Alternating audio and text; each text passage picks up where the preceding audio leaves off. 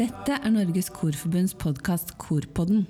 Jeg heter Gerd Byrmoen og vil gjerne invitere mennesker som kan belyse alle sider av korsang og livet i koret. Har du et tema du kunne tenke deg å høre mer om, eller mennesker du ønsker vi skal invitere med? Ta gjerne kontakt med oss. Hun omtaler seg selv som pianist og pysjgartner på sosiale medier, og har en lang musikalsk reise bak seg. På 80-tallet var hun den ene halvdelen av popduoen Dolly, som satte opp musicalen Witch Witch i London.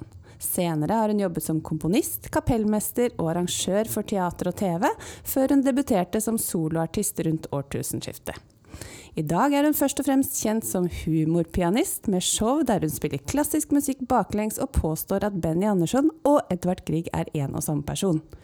Og hun har akkurat fylt 60 år. Velkommen til oss, Ingrid Bjørnov. Tusen takk. Det var jo en liten introduksjon som jeg hadde funnet, men eh, kan ikke du fortelle litt mer om deg selv og din bakgrunn? Jeg eh, er, kommer fra en musikkfamilie. En musikkfamilie som ikke har levd av musikk, men eh, jeg er et utpreget sånn drabantbybarn. Stort kull, født i 1963. Født og oppvokst på Oppsal. Naboen min het Benedicte Adrian, og dermed ble det duo. Eh, da var vi vel tolv. Da ABBA vant Grand Prix, fant vi ut at vi var nødt til å begynne å spille. Mm. Jeg hadde pianoundervisning og korsang på altså, virkelig innen rekkevidde i forbindelse med skolen og kirken i drabantbyen. Sånn at jeg er utrolig takknemlig over å ha fått det grunnlaget før jeg det hele tatt Altså, jeg lærte noter før jeg lærte å lese. Ehm, så prøvde jeg å bli popstjerne. Så prøvde jeg å bli Andrew Lloyd Webber. Så prøvde jeg å komme ut av skifteretten. Så eh, ble jeg bakgrunnsperson. Det hadde jeg drømt om lenge, fordi Dolly var jo et utadvendt uh, samfunn. Uh, så jeg hadde Jeg er en veldig, veldig glad repetitør, sanginstruktør, arrangør, kapellmester, men så viste det seg at det var litt mer ego igjen i, i innboksen. Så for rundt 25 år siden så begynte jeg, begynte jeg med solo Først med sanger, og så etter hvert med forestillinger. Mm. Og der er jeg nå. Ja. Og jeg må jo si at jeg er stor fan, og har nok sett de fleste av forestillingene dine, tror jeg. Så hyggelig. Og jeg har jo ikke kunnet unngå å legge merke til at du fremsnakker kor og korlivet mm. hele tiden. Mm. Men synger du selv i kor i dag? Det er, jeg er det man kaller en korkrasjer. Altså jeg sniker meg inn i kor i korte perioder. Det vil Si et litt påtrengende prosjektkormedlem. Altså jeg lager prosjektkor av kor som ikke er prosjektkor. Det vil si at jeg har Jeg er veldig opptatt av trangen til å synge, og at det er ingenting som som, kan, som er det samme som å stå inne i et kor og synge. Og jeg synger jo fra morgen til kveld. Jeg opptrer mange, mange ganger i året. Eh, men det er likevel ikke det samme. Det er noe helt annet. Mm. Da er jeg alene på et eller annet vis, eller sammen med andre, men da er jeg liksom en sånn slags førende posisjon. Så det å, å være inne i musikken, det den aller fineste måten jeg er inni musikken på, er når jeg synger i kor. Ja. Oppdaget du det allerede i jentekoret? Nei, jeg tror ikke det. Jeg tror, eller jo, jeg oppdaget det helt sikkert da, men jeg skjønte ikke uh, hvor sterkt det virket på meg, både fysisk og psykisk. Bare, det er jo noe med når du er barn og ung, så tar du det du får. ikke sant? Vi hadde en, mm. en, en helt lysende kordirigent, Marit Tenfjord, som var kirkeorganist på Oppsal og, og, var helt førsteklasses. Og vi var jo bare noen lattsabber i, i Rød Krimplin, så vi, eh, hun drev oss til å bli veldig gode. Uh, og det er nok kanskje noe av den følelsen jeg letter etter når jeg, når jeg krasjer kor nå, da. Ja. ja. for du har hatt et ganske langt opphold eh, fra du sang fast i et kor og til nå? Ja, men du kan si at det har, det har aldri vært så langt unna, fordi Eh, selvfølgelig. I, I, poplivet med Dolly var det ikke Da het det korister, hvis det var kor. da var det færre. Eh, men det var alltid noe av det morsomt, noe av det Benedicte og jeg var mest glad i. Det var å legge korstemmer på sanger som, som ble spilt inn. Og jeg kan fortsatt den dag i dag med hånden på hjertet si at jeg synger bedre når jeg korer uh, enn når jeg synger. Når jeg er ferdig med å synge hovedstemmen og skal begynne å kore, så er det noe som liksom løsner i kroppen, og da er det bare gøy, og da låter det mye bedre. Ja. Hva slags stemme hadde du da du sang i kor, da? Eh, Jeg begynte som en, eh, en alt, og jeg er jo mentalt en alt. Um, og så har jeg da oppdaget at det var ikke helt sant, men jeg hadde sikkert dyp nok stemme som niåring til å fungere på en altstemme. Men jeg er en slags Jeg er vel en slags messo, tenker jeg. Ja. Jeg snakker lavere enn jeg synger. Ja. Ja, det er litt morsomt at du sier det, for vi som er i korverden, vi snakker jo ofte om at eh, det er en typisk sopran eller det er en typisk alt, og det er ikke nødvendigvis bare med stemmen, det er jo også noe med mentaliteten. Det er, og det- er mennesketypene, og det er eh, solister og, du, du ser det samme i, med, med sangere. Eh, ikke sant? Tenorer er en egen rase. Basser kan feste lengst. Eh, sopraner synger mer solo og har kanskje blinket seg ut som solosangere tidlig. Og er kanskje lysere. Jeg, vet ikke, men det er Du kan fortsatt se hvor de forskjellige stemmene står. Særlig i et barnekor, men også til en viss grad i et voksenkor. Men det er jo det samme i orkestrene også. Mm. Førstetrompetere har et helt annet lynne enn Ja Veldig morsomt. Eh, ja, vi som eh, jobber i kor vet jo at det er fantastisk, og det er en sosial aktivitet som er egnet til å forene mennesker med ulik bakgrunn. Og jeg har jo også registrert at du er eh, høy beskytter for Oslo Fagottkor. Ja. Er det noe spesiell bakgrunn for det?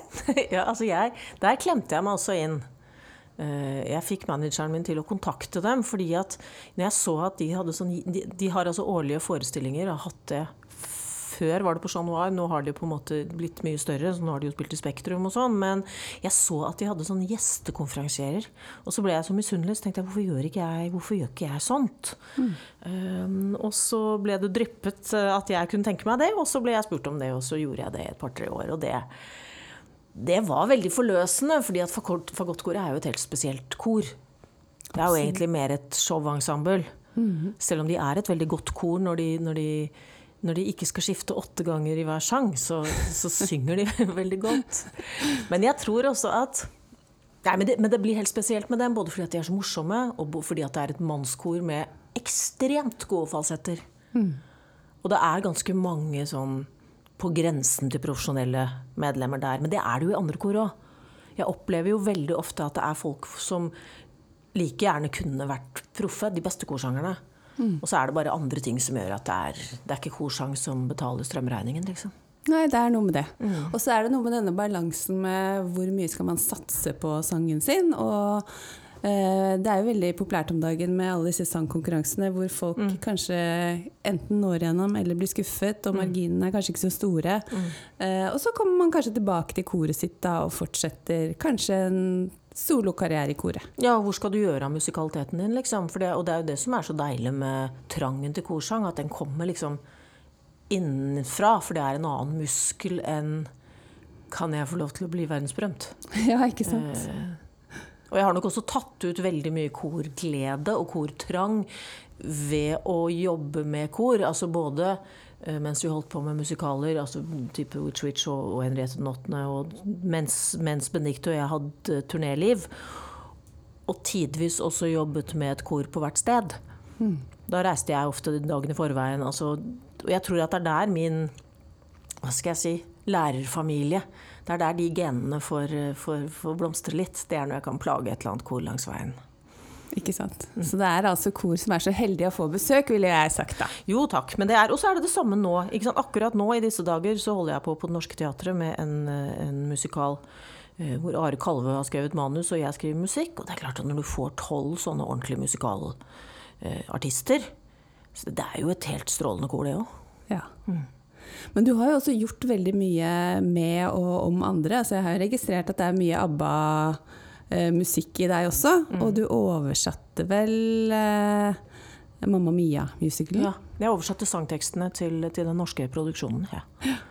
Så det vil si at du gjør jo veldig mange ting sånn på siden av alt det man kanskje ser aller Ja, kanskje. Jeg har jo bare oversatt én gang. da. Det er det eneste jeg har oversatt. Til gjengjeld tok det flere år, for det skulle godkjennes så mange runder. Men, eh, men ja, jeg har alltid hatt det veldig godt med ett bein på hver side av scenekanten.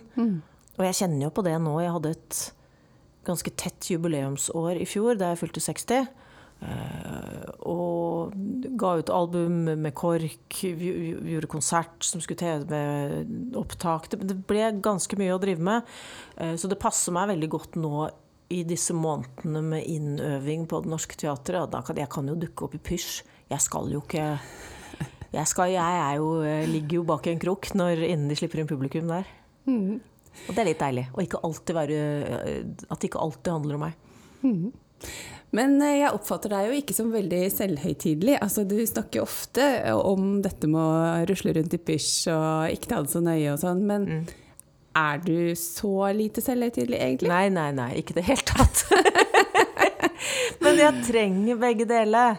Eh, og det er kanskje det eneste jeg kan kjenne en tretthet på. At jeg kan bli så innmari lei av mitt eget ansikt. Eh, at, eh, eh, at det der der og, Hva skal jeg si, hvis du setter det litt på spissen, da, så er det liksom jeg som er produktet i bedriften. Eh, sånn at dette med å skulle presentere seg, det er de tingene jeg er glad for å kunne ta en pause fra. Men jeg går ikke, jeg går ikke veldig langt i pysj. Jeg gjør ikke det. Jeg tror ikke det. Nei, det er, det er, tror jeg er forbeholdt de unge. Altså å dra, å, å dra på storsenteret i pysj, da bør du være ganske søt og under 25. Ja, enig med deg i det. Men eh, jeg har jo også lest en bok som du skrev for eh, mange år siden, som heter eh, 'Se Norges blomsterdal'. Og der det kaller du da en kjærlighetserklæring til korbevegelsen.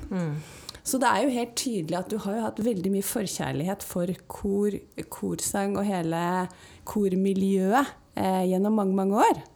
Ja. Og så tok det ganske mange år før jeg skjønte hvor sterkt det levde i meg. Det er kanskje det som er utgangspunktet for boka. Den er jo også, jeg må også, på vegne av alle de jeg har karikert ganske kraftig i boka, så må jeg si unnskyld, unnskyld, unnskyld. For jeg har dratt det ganske langt i å, å, å gjøre det litt eh, underholdende. Så det er jo ikke alt der som er sant. Men, eh, men, men jeg, det forundrer meg hvor, i hvilken grad vi blir de vi er tidlig i livet. Fordi jeg var vel ikke mer enn 14, tror jeg, da jeg sluttet i koret. Og, og jeg er fortsatt korsanger. Så Inni mitt indre liv Ja. Jeg, hele min familie så finner vi på korstemmer. Uh, med vekslende hell. Når vi synger Det er bare et eller annet med det kan være det samme som når du, når du drar på en slags gjenforening, og så møter du folk du har gått på skole med. Så er det å møte de fra barneskolen, det er sånn, de kjenner du ennå. De, de veit jo akkurat hvordan det er. Du legger dem inn i den rollen de hadde forrige gang du så dem? Ja, ellers så, ellers så er de litt av det de var. Og det jeg var, var en, en veldig ivrig korsanger. Eh, har du hatt noen andre sånne store hobbyer da, fra du var liten, som du har tatt med deg? Jeg er jo en eh, Som du nevnte i innledningen, så er jeg jo en pysjgartner. Ja. Eh, Så jeg har allerede startet nå tidlig på året eh, og så ting under plastlokk i vinduskarmen. Mannen min snubler i ting på badet. Eh, Og, eh, så, så, så det, og jeg er jo absolutt en sånn sy, strikke, hekle, bake. Jeg tror jeg leker husmor jeg av og til når jeg har fri, fordi jeg er så dårlig på det i, i hverdagen. Du høres ikke ut som en person som fremsnakker deg selv veldig. Du tar deg ned, det meste av det du Jo, men jeg tar jo plass. Jeg tar jo plass for all del, altså. Det er ikke, jeg, skal ikke, jeg skal ikke kokettere med det, men, eh, men det er klart at eh, jeg har et eh, jeg har et spesielt yrke, og det gjør jo at gleden ved Og når jeg har hatt to frihelger på rad, og vi har sittet og sett på gullrekka og strikket, og jeg kjenner jo at det er godt å ha noen sånne perioder òg. Men apropos det å ha fri og bruke fritiden sin til f.eks. korsang, da. Vi eh, jobber jo stadig med dette med at eh, veldig mange er glad i koret sitt, til og med studentkoret. Eh, og så tar de liksom en pause, og den pausen den varer veldig ofte til de blir sånn ca. 50. Det syns jo vi er litt leit, for det er jo veldig veldig flott med korsangere som også er mellom eh, 26 og 50. Det er jo Eh, kanskje noen- da stemmen blomstrer Ikke sant? aller mest. Ja. Og noen kor får det til, Ja. men uh, vi skulle jo også veldig gjerne engasjert flere i den aldersgruppen. Og det er klart at tid er uh, knapphet når man kanskje har små barn og sånn, men det er jo også veldig uh, inn i tiden at man trenger litt tid for seg selv, at man trenger å koble helt ut. Og da må jo korsang være strålende. Jeg tror at man kanskje skal gjøre som eh, holdt på å si, Selv treningssentrene har jo skjønt at de ikke kan trekke oss hver eneste måned, at det må være lov å ha et klippekort. Så jeg tenker at, at og dette bare, Nå bare tenker jeg høyt, men uh, la oss si at det hadde gått an å bli med i, på tre produksjoner i løpet av et år. Altså at man liksom kan ha en slags sånn støttekormedlem. Mm. For det, det, vi merker, og det vi også merker, alle vi som er ute og synger rundt forbi, er at eh, etter pandemien så er det jo også mange som har fått smaken på å ikke gjøre noe. Eller være hjemme. Eller grille, eller hva de nå har funnet på hjemme. ikke sant? Så um, Men det er klart man trenger det. Men ja, seminar, mer kortvarige eller prosjektkor, da, som, som mm. dere jo har tatt opp i denne podkasten. Mm. Men eh, du arrangerer for kor, og, ja. men dirigerer gjør du ikke da? Nei. Nei, jeg gjør jo ikke det. Det er jo et fag. jeg kan alltids eh, rope tre-fire og sette inn folk. Altså, jeg har jo øvd inn mye kor, og jeg kan, jeg kan instruere et kor. Ja. Eh, men det blir ikke bedre at jeg dirigerer. Nei. Jeg kan spille. Det er kanskje mm. Spille og slenge en arm i været. Ja, Er det noe annet du har lyst til å si til eh, korfolket, da, som er de som kanskje lytter mest til oss? Jeg syns det er litt interessant det du sier med at folk hopper av når de er 26 og kommer tilbake når de er 50. Og det er vel dette her med hvordan man, hvor mange helgeseminarer man har, og hvordan man skal gjøre det. Altså, hva er det som kan gjøre at man klarer å fortsette? Mm. Og det kan jo sikkert de, Kan man henvende seg? Kan de som hører på, sende inn forslag? Kan, kan, de kommentere? Er det kommentarfelt på podkasten? Det finnes en egen Facebook-gruppe som heter Korpodden. Så der er det lov å komme med innspill. Gå inn der. Og særlig dere som lurer på om dere skal bli gravide. Og liksom det er selvfølgelig Nei, jeg føder den helgen. Det må, vi, det må man det kan akseptere. Vi akseptere. Ja. Men hva skal til? Og handler det om repertoar? Handler det om mindre grupper? Altså flere, flere varierte medlemskap, liksom. Mm. Jeg tror jo at Og jeg ser jo jeg, jeg, Moren min har demens, og jeg synger jo mer med henne enn jeg Eller det er nesten mer vellykket å synge med henne enn å snakke med henne nå. Mm. Fordi det trigger alt, alt, dette vi vet om pga. demenskoret og, og sånn. Men, men, det det gjør med oss selv altså, Hvis du har tatt pause, så fortsett i hvert fall å synge. Ja. For barna dine, ikke minst. Ja. ja. Før de blir født, etter det. Men det er det første vi gjør, og det siste vi gjør for folk. Og det er det vi liksom Det har en sånn verdi i livet som man kanskje må bli 50, da, før man skjønner at det er, dette, det er dette jeg har savna. Det er dette jeg trenger. Ja. Ikke sant? Men vi har faktisk gjort en undersøkelse i den norske befolkning hvor vi har fått en forståelse at det er veldig mange som har en liten korsanger i magen, som kunne mm. tenke seg å begynne. Mm. Men de trenger en invitasjon. De må ha en personlig invitasjon til uh, mitt ja. kor. Og en betryggelse på at jeg er flink nok. Uh, selv om jeg kanskje ikke er god nok til å lese noter umiddelbart. Og det er jo overraskende mange som drasser på noe som har blitt sagt om deres stemme før de var, før de var myndige. Hvis noen har sagt at du må mime eller du må ikke synge Altså ustrategiske, upedagogiske lærere. En eller annen slengbemerkning. Vi er jo gode til å lagre på sånt. Absolutt. Så det vil jeg si til alle sangere der ute, at bare, bare legg det bak dere. Legg den replikken. Bare gå ut og grav den ned i hagen og plant en pen busk oppå, så er den borte. Det syns jeg var en fantastisk avslutning. Tusen takk skal du ha for besøket. Tusen veldig takk for at jeg fikk komme. Veldig, veldig hyggelig å være her. Likte du dagens episode, så del gjerne med en venn. Har du tema du ønsker vi skal ta opp, så send oss ditt tips i Facebook-gruppa til Korpodden. Vi høres!